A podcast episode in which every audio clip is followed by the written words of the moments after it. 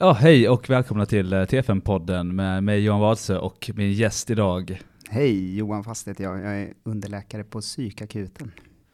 Precis.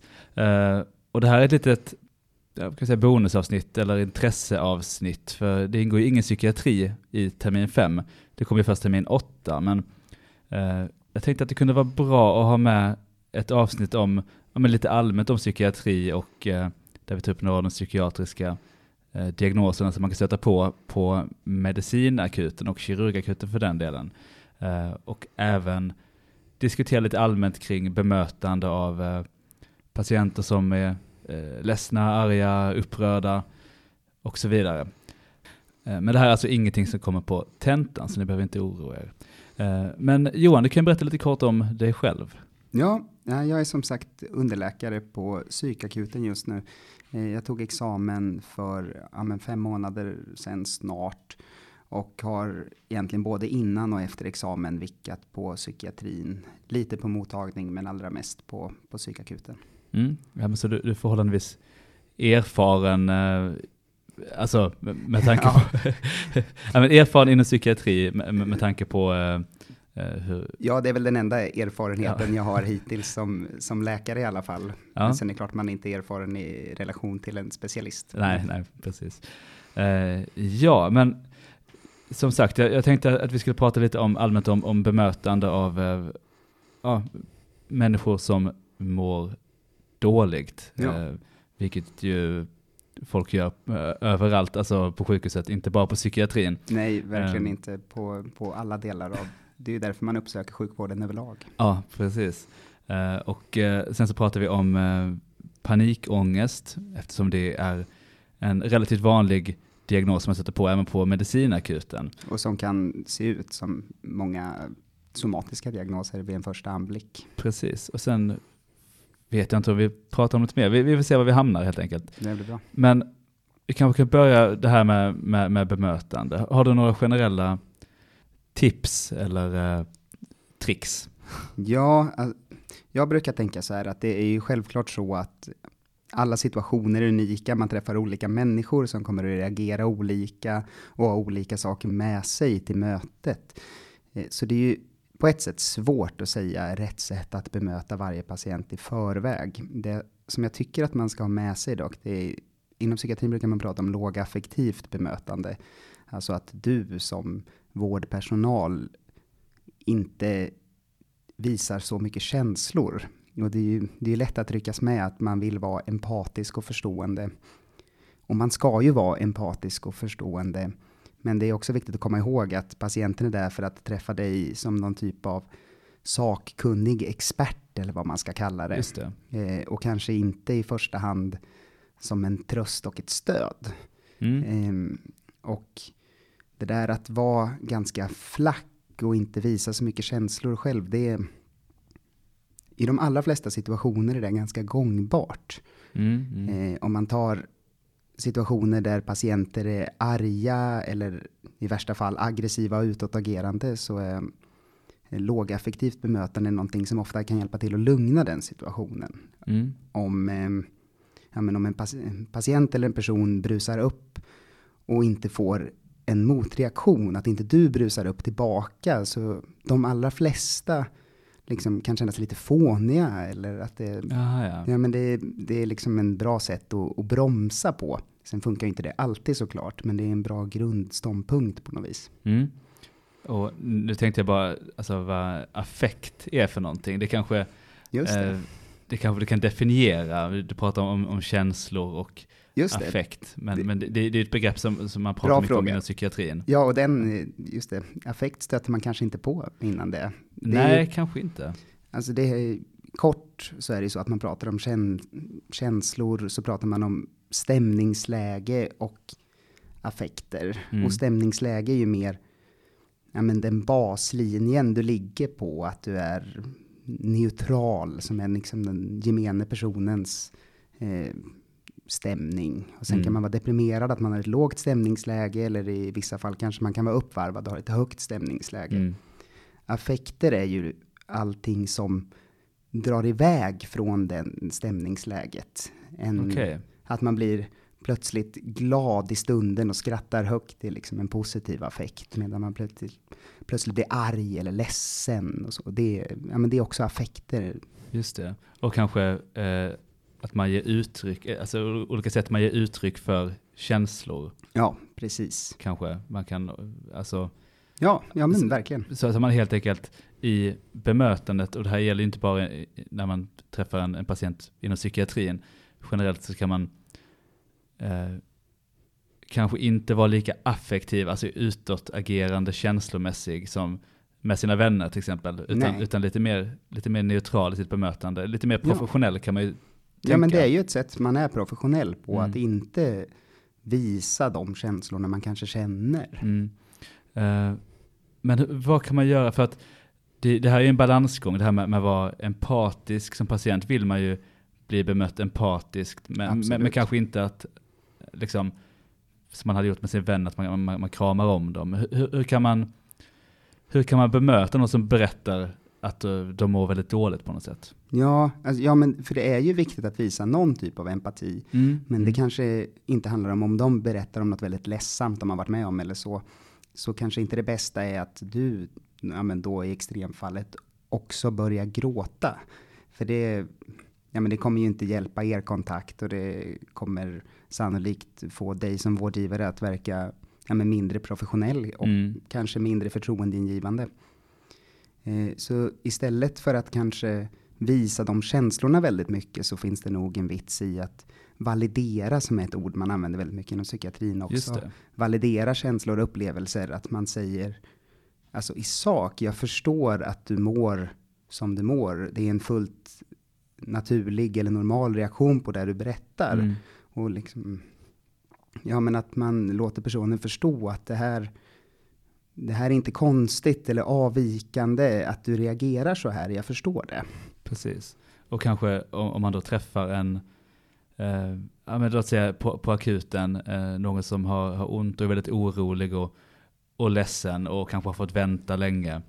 Eh, det kan att, man också validera. Ja men precis. Ja, det liksom, måste vara... Det, det, måste vara jättejobbigt att, att, att, du har fått vänta här så länge, jag beklagar det. Uh, Verkligen, och bara säga, man kan ju vara helt ärlig och säga, jäklar vilken skitsituation du är i.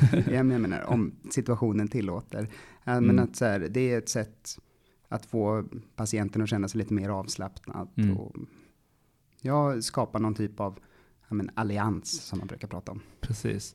Så lågaffektivt bemötande eh, och, och, validering. Och validering.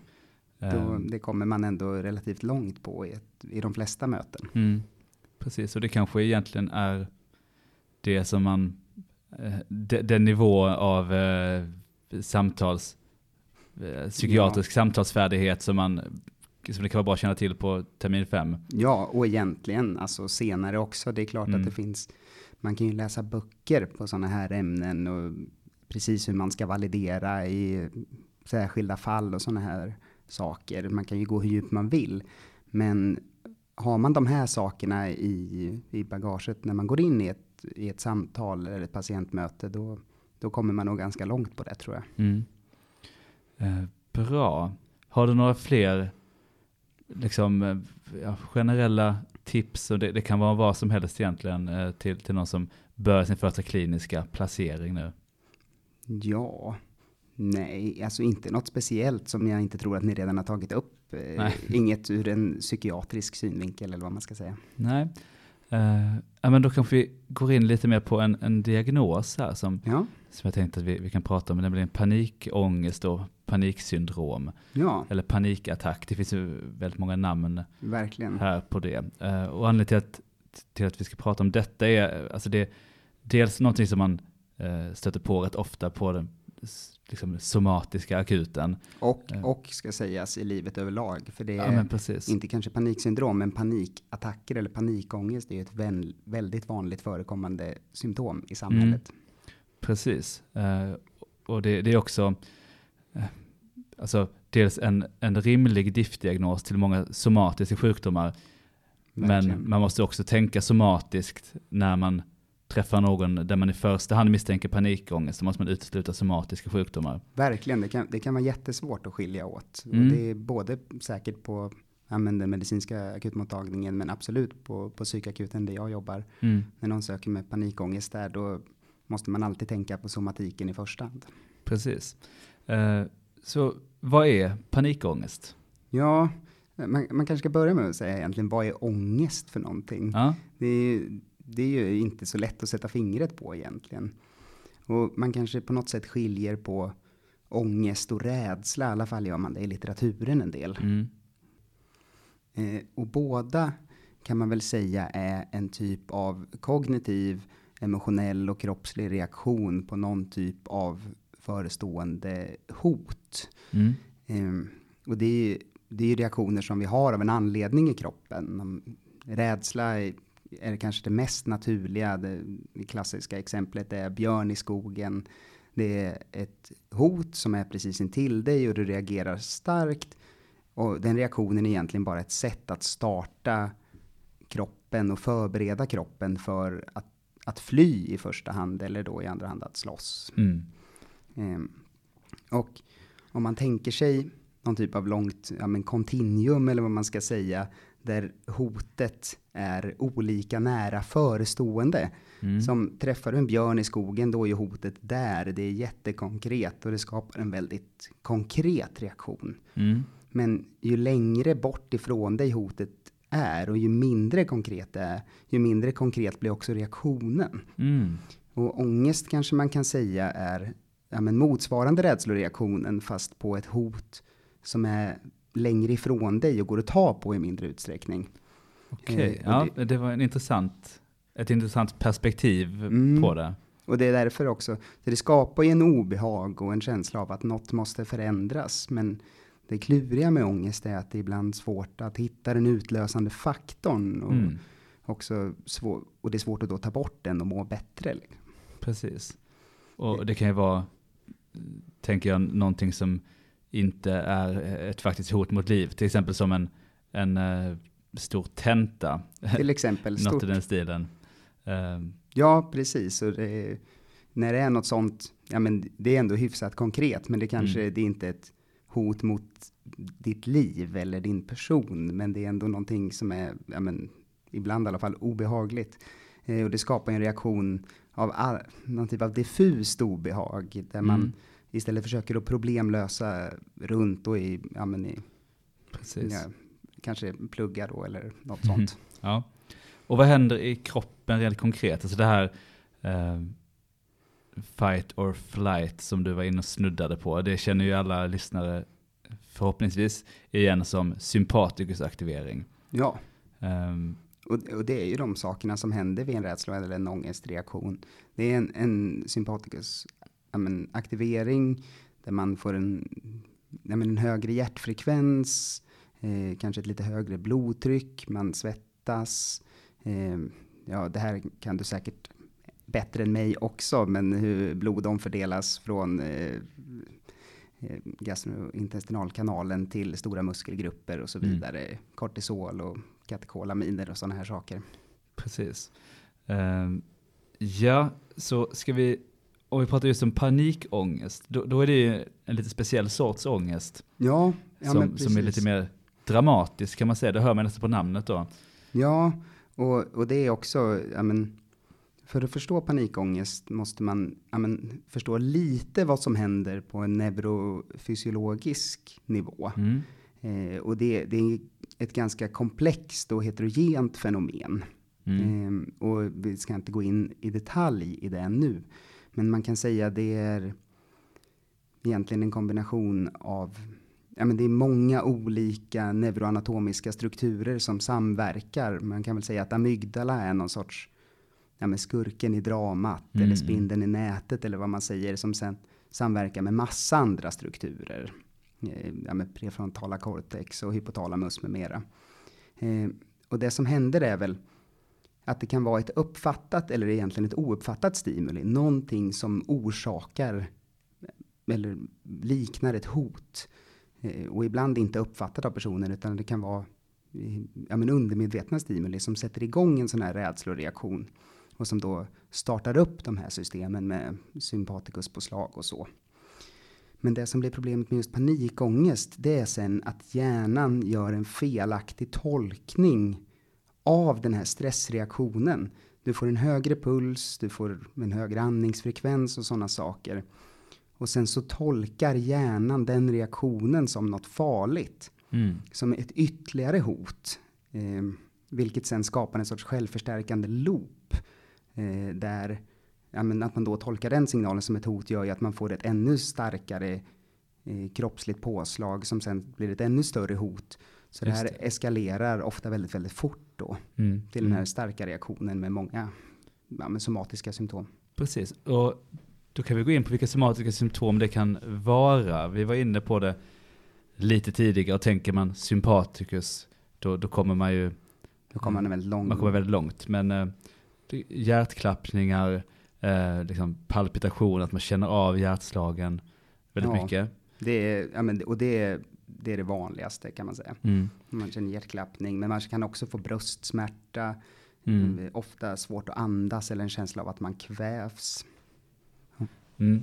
Precis. Eh, sen det här svettningarna, man kan få darrningar.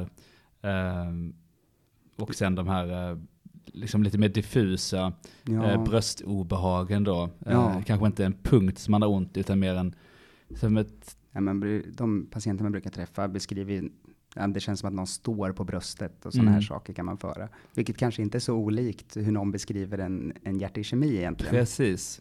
Och det är därför, ja, det är därför det är viktigt att, att känna till den här diagnosen och Mm. liksom veta eh, Ja, eller känna till både AKS, eh, Ja. akut koronat syndrom, men även panikångest då.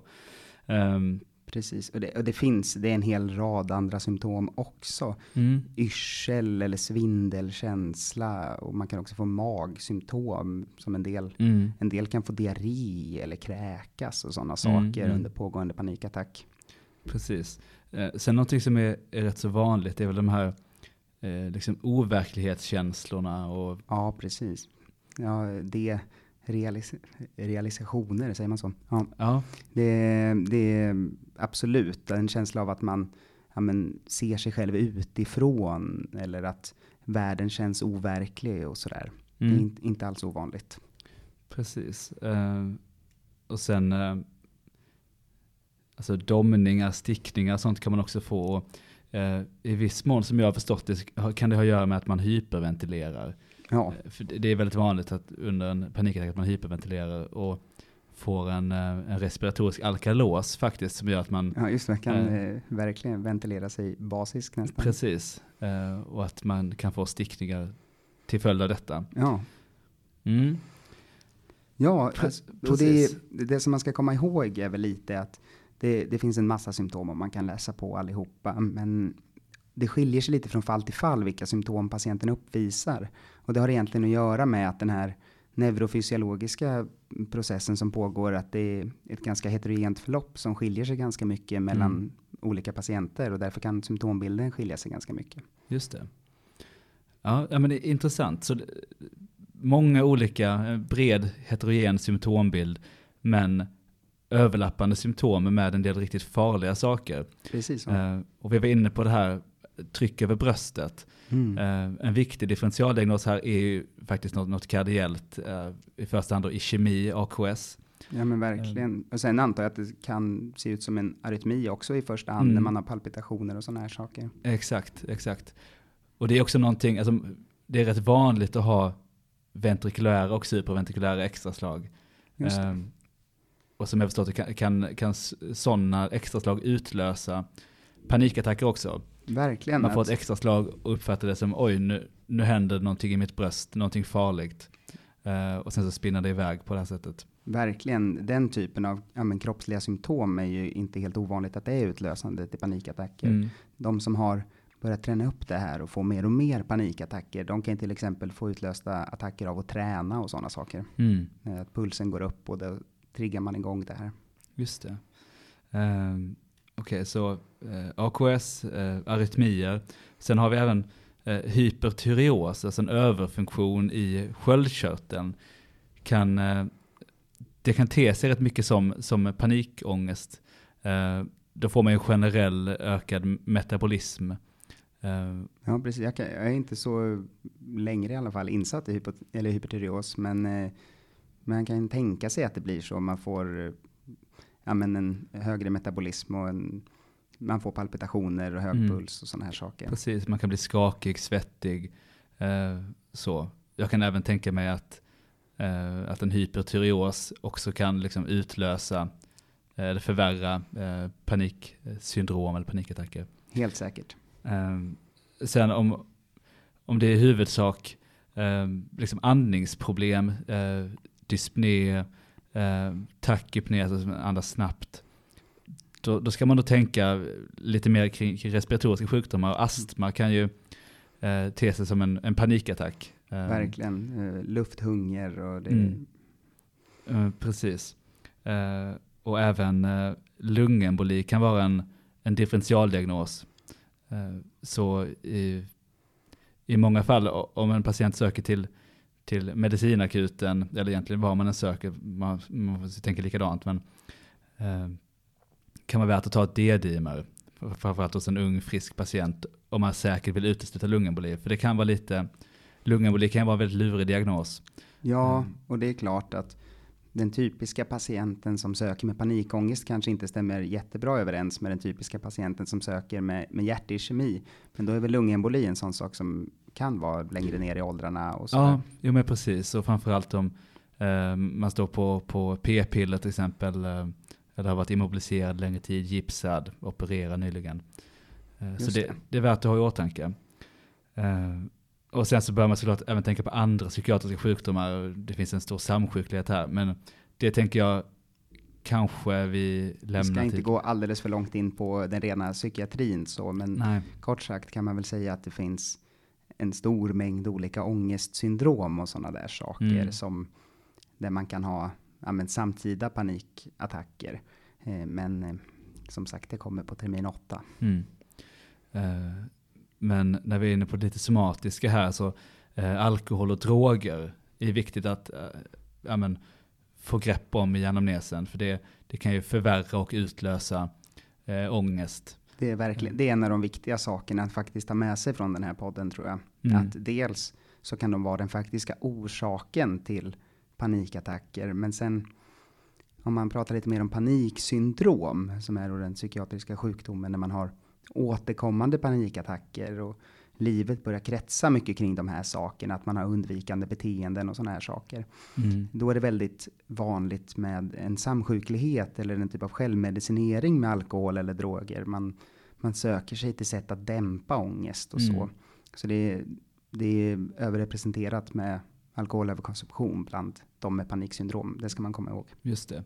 Och eh, alkohol är ju, det är ju rätt dåligt ångestdämpande eftersom när man, alltså när alkoholen går ur kroppen så, så får man ångest av det. Som förmodligen många lyssnare känner till att Att det kan bli ångestfyllt dagen Ja, efter. precis. Och också en del somatiska symptom. Man brukar ha lite högre puls och sådana här Mm. saker. Som, ja, som har sagt kan trigga igång det. Exakt. Eh, bra, men så det viktiga handläggandet här eh, på, på akuten, det är att eh, alltså, om man i första hand misstänker att det här är en panikattack, kanske en ung tidigare frisk person som kommer in med de här hjärtklappningar, eh, liksom overklighetskänsla, känsla att man inte får luft och så. Eh, man måste göra en, vad ska vi säga, en, en lagom noggrann somatisk utredning. Alltså inte överdriven, Nej, men, men precis. inte heller avfärdade som att ja, men det här är bara en panikattack, det är ingenting. För att det kan vara någonting. Precis. Så lyssna på hjärta, lungor, buken, känn på buken eh, och ta EKG. Det är väl jätteviktigt. För, för mycket av det här handlar ju om liksom hjärtklappningar, tryck över bröstet. Eh, och dels så ett normalt EKG, det är ju såklart bra ur, eller viktigt ur medicinsk synpunkt för att ut, liksom utesluta något farligt. Men även för att lugna patienten. Ja, det är det här man kommer till då. Det är ju för att det ska man säga om, kanske inte patienter med paniksyndrom som har haft panikattacker i många år. De vet ofta precis vad det handlar om. Mm. Men för en person som får sin första panikattack, då inser man sällan att det faktiskt rör sig om ångest. Mm. Utan man, man får en känsla av att man, jag får inte luft, mitt hjärta bultar i bröstet, sticker i fingrarna. Ja. Jag håller på att dö. Det är ett av symptomen. En Mm. dödsskräck brukar man prata om. Att man, man tror faktiskt att man håller på att dö. Så då blir det här, det blir en väldigt viktig del av handläggningen att, Mm. att lugna patienten i det här. Mm. För det måste man ändå säga att i sak är ju inte en panikattack farlig. Nej. Eh, precis. Så eh, ja, vad har vi mer? Vi har, vi har blodprover såklart. Och här är det liksom rutinprover. Eh, HB, elstatus. TSH och T4 kanske. Precis, tyroideaprover. Framförallt då vid eh, liksom, eh, en förstagångs panikattack. Eh, viktigt att ta tyroideaprover för att utesluta att det finns en bakomliggande hypertyreos. Verkligen. Ja. Eh, ta mycket tyroideaprover överlag inom psykiatrin. Ja, Det är ju vanlig somatisk differentialdiagnos till eh, psykiatriska diagnoser. mm, ja men verkligen. Eh, och sen i vissa fall kan då D-dimer vara aktuellt om, om, eh, om det skulle kunna röra sig om en lungemboli.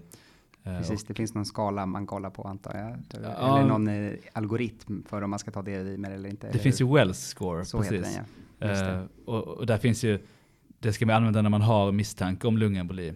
Inte på alla patienter som kommer in innanför dörren på akuten. Men i och med att symptomen kan likna de vid lungemboli så, så kan det ibland vara aktuellt att, eh, att ta ett D-dimer. Och ett negativt D-dimer och låg misstanke enligt Wells score då eh, utesluter lungemboli. Bra. Eh, så om vi har träffat någon, äh, men, äh, en, en ung person, frisk i övrigt, kommer in till akuten med, med, med känsla av att de håller på att dö, hjärtat klappar äh, och de får inte luft och det sticker och pirrar ut i, i händer och fötter. Vi har uteslutit att det är någonting bakomliggande somatiskt. Vad, vad, vad gör man? Ja, om man då har kommit så långt att man är ut, ja, men uteslutit som sagt det, det som är somatiskt och farligt och man börjar tänka att det här rör sig nog om, om panikångest. Eh, då, alltså på akuten är det egentligen inte så mycket man kan göra. Eh, är det, man kan väl säga så här, är det en pågående panikattack, att personen sitter och hyperventilerar framför dig inne på akuten, man kan, man kan ju försöka bryta den attacken. Det finns en massa tekniker och det här kan man, eh, kan man läsa mycket kring också, vad, man, vad folk tror funkar bäst och sådär. Men det handlar om att skölja ansiktet i kallt vatten och eh, snärta sig på handleden med en gummisnodd. Och. Det, ja, men egentligen, man försöker ge sig själv andra kroppsliga stimulin, liksom bara för att bry, bryta den här negativa kognitiva loopen eller vad Ja, man ska kalla det. distrahera sig själv på något sätt. Ja, men precis. För, och det är egentligen det, det man kan göra. Eh, och då vänta. Mm. För en panikattack, den kulminerar som det heter, alltså når sin peak. Det gör den i stort sett alltid inom 10 minuter, ofta ännu kortare. Mm. Ehm, och sällan håller den på mer än 30 minuter. Och extremt sällan längre än en timme. Det finns, det finns kanske beskrivet någonstans. Men Mm. det är en övergående episod. Mm. Så därför kanske det är ännu troligare att man på akuten träffar någon som var hemma, fick en panikattack, kanske ringde ambulans till och med. Men Mm. när de väl kommer in till akuten så har det bästa avklingat och de är ja, men kanske omtumlande och lite rädda sådär, men Mm. mår egentligen ganska bra. Mm. Precis, och det, det är en rätt så vanlig patient faktiskt på, på akuten.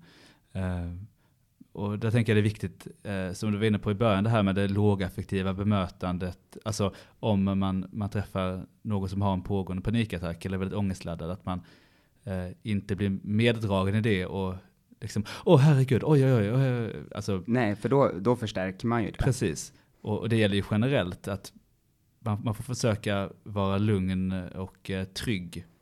Utstråla men, ett lugn och en trygghet eh, som läkare. Eh, Verkligen, det, det har ofta en, en, en lugnande effekt. det hjälper en i, i bemötandet och i arbetet. Mm.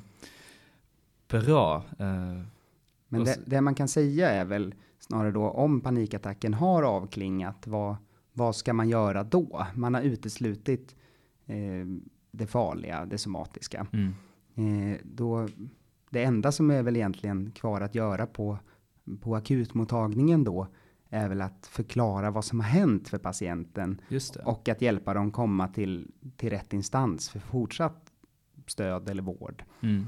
Eh, och det där med att för, förklara vad som har hänt, det tror jag, föreställer jag mig i alla fall, kan missas ibland. Mm. För att man kan ibland vara väldigt fokuserad på var det något konstigt på det där EKG eller några sådana saker. Och sen så säger man till patienten, nej, vi har inte hittat någonting, du kan åka hem. Och då kan man tänka sig att patienten i alla fall efteråt är fortsatt ja, men orolig för var det verkligen ingenting, kommer det hända igen och Mm, sådana här mm. saker. Och där kan man komma ganska långt tror jag genom att bara förklara det här som vi har pratat lite om nu. Förklara den här rädsloreaktionen i kroppen och säga att det inte är farligt men då validera i att jag, jag fattar att det här var jätteobehagligt. Mm. Just det. Eh, ja men eh, det är det man brukar kalla för psykoedukation ibland va? Precis. Eh, och det, det tänker jag är en generell eh, bra sak att ha med sig, att, att faktiskt förklara, inte bara den här typen av sjukdomar, alla typer av, av sjukdomar, eh, när man träffar någon på akuten. Vi har kommit fram till det här och det, det innebär detta. Mm. Ge en lite förståelse. Precis, Eh. utan att kanske grotta ner sig i allt för komplexa Ja, ja, termer och så vidare. Ja men precis, men det tänker jag kan öka liksom compliance till medicinering och, och så. Verkligen. Mm. Bra. Ja, så har du några andra tankar kring det här med panikångest? Ja, det man kan säga är väl att som sagt panikångest som symptom är väldigt vanligt. Det är drygt en femtedel av oss som någon gång i livet får en panikattack. Mm. Eh, och de flesta kommer inte behöva någon behandling. Sen finns det några som då utvecklar mer paniksyndrom och får återkommande attacker och undvikande beteenden och så här. De kan ofta behöva någon typ av behandling. Det kan vara psykologisk behandling med KBT eller i vissa fall läkemedelsbehandling med SSRI. Och det kan man väl bara säga att från akutmottagningens sida är det man kan göra att hänvisa de patienterna till rätt instans. Och det är i nästan alla fall primärvården. Mm. Det är remiss till vårdcentral för ja, med ställningstagande till behandling av, av paniksyndrom. Mm. Det är bra att tänka. Ja. Och det är väl ett par saker man absolut inte ska göra i alla fall. Mm. Om man pratar om ångestlindrande behandlingar och så vidare. Det kommer ni få höra mycket mer om på, på psykiatrin. Men det, ju, det första man lär sig är att bensodiazepiner är någonting som finns och som man kan behandla ångest med. Mm. Det ska man absolut inte eh, behandla de här patienterna med. Varför Det- inte det? Ja, men det är ju, det är ju en starkt, alltså bensodiazepiner är ju oerhört beroendeframkallande. Mm. Eh, och det är klart att är det en pa patient som inte kan bryta sin panikångest, det bara fortsätter och fortsätter, då kan man ju använda bensodiazepiner där och då i den akuta situationen. Men om man till exempel då förskriver bensodiazepiner, då finns ju ja, men dels risken att man skapar ett helt annat problem. Mm. Att man skapar ett, ett beroendeproblem. Mm. Eh, och då vet man också att vid, vid långvarig användning av bensodiazepiner så stiger ofta ångestnivån på sikt. Just kommer det. att generera mer och mer ångest, fler och fler panikattacker. Just det, för visst har, har bensodiazepiner och alkohol lite liknande mekanismer där att, Precis, båda är ja, men GABA-erga Precis. substanser. precis. Ja, eh, Så det är, det är en av de en viktigaste grejerna att ta med sig tror jag. Att förskriv inte bensodiazepiner akut nej. för folk med panikångest. Utan behandlingen, om man ska ha någon typ av farmakologisk behandling så är det SSRI i så Mm. fall. Men det ska man egentligen inte heller förskriva från akutmottagningen. Eller jag skulle vilja säga att det ska man inte förskriva från en vanlig akutmottagning. Nej, för, för vad kan hända när man förskriver SSRI, eller när man börjar en SSRI-behandling? Det är ju inte helt ovanligt att man får mer ångest vid insättningen. Just det. Det, man får en, en motsatt effekt av det man vill ha. Framförallt första, ibland de första två veckorna. Mm. Så därför är det viktigt att när man startar en SSRI-behandling så ska patienten vara beredd på det och det ska finnas en planerad uppföljning. Just det. Så kort summering av, av eh, panikattack, panikångest då. Eh, man kan träffa, stöta på det på akuten och vad som helst ute i samhället egentligen. Eh, tänk liksom sympaticus symptom, eh, kroppsliga symptom och subjektivt eh, ofta då eh, känsla av att eh, kvävas, andnöd, tryck över bröstet, extremt obehag och, och liksom döds, eh, av att Ja. man håller på att dö. Ja, verkligen. De Ehm. är ofta väldigt, väldigt rädda. Mm. Eh, brukar kulminera inom 10 minuter, ofta gå över inom en halvtimme, Ja, Eh, nästan alltid skulle jag vilja säga. nästan alltid. Eh, och eh, viktigt att tänka på, framförallt vid liksom förstagångs eh, insjuknande, att utesluta somatiska eh, saker. Och det kan ju vara då eh, AKS, eh, arytmier, eh, i vissa fall eh, lungemboli, astma, anfall och hypertyreos. Så somatisk status, EKG och lite labbprover, rutinlabbprover, men få med tyreoideaprover. Precis. Ja, och sätt inte in någon farmakologisk behandling från akuten. Nej. Ehm, Utan hänvisa patienten till rätt instans och det är nästan alltid primärvården. precis. Bra.